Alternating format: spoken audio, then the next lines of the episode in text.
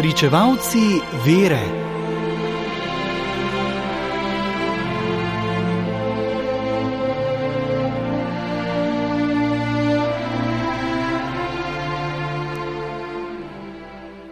Danes goduje sveta Martina, rimska mučenka, zavetnica Rima, ki je umrla okoli leta 230.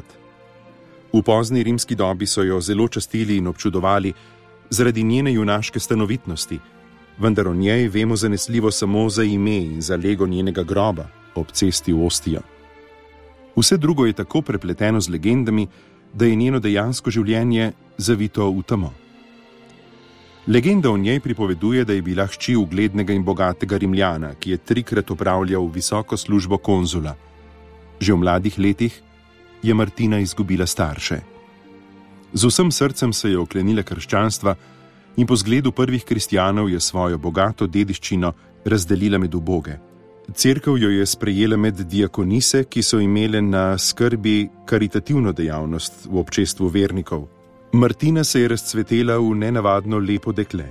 Imela je veliko oboževalcev, med njimi je bil celo sam cesar, ki jo je zaprosil, ne postane njegova žena, ona pa je vse snupce zavračala, ker je hotela živeti samo za svojo vero, v službi Bogu in so ljudem.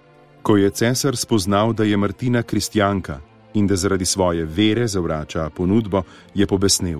Ukazal jo je privesti pred svoj sodni stol in jo pozval, naj se javno odpove svoji veri ter daruje Bogu Apolonu.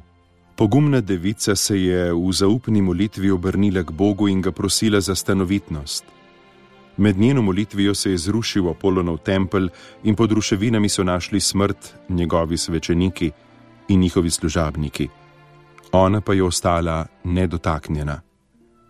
Cesar jo je velel na vse mogoče načine mučiti, krvniki so jo mučili do onemoglosti, tudi z močno dušo je kljub telesni šibkosti prenesla vse muke. Končno so jo zunaj mesta obglavili.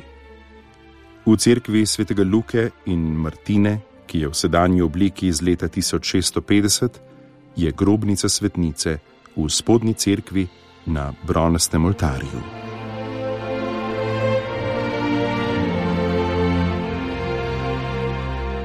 Brali smo iz knjige Svetnik za vsak dan, ki jo je napisal Silvestr Čuk.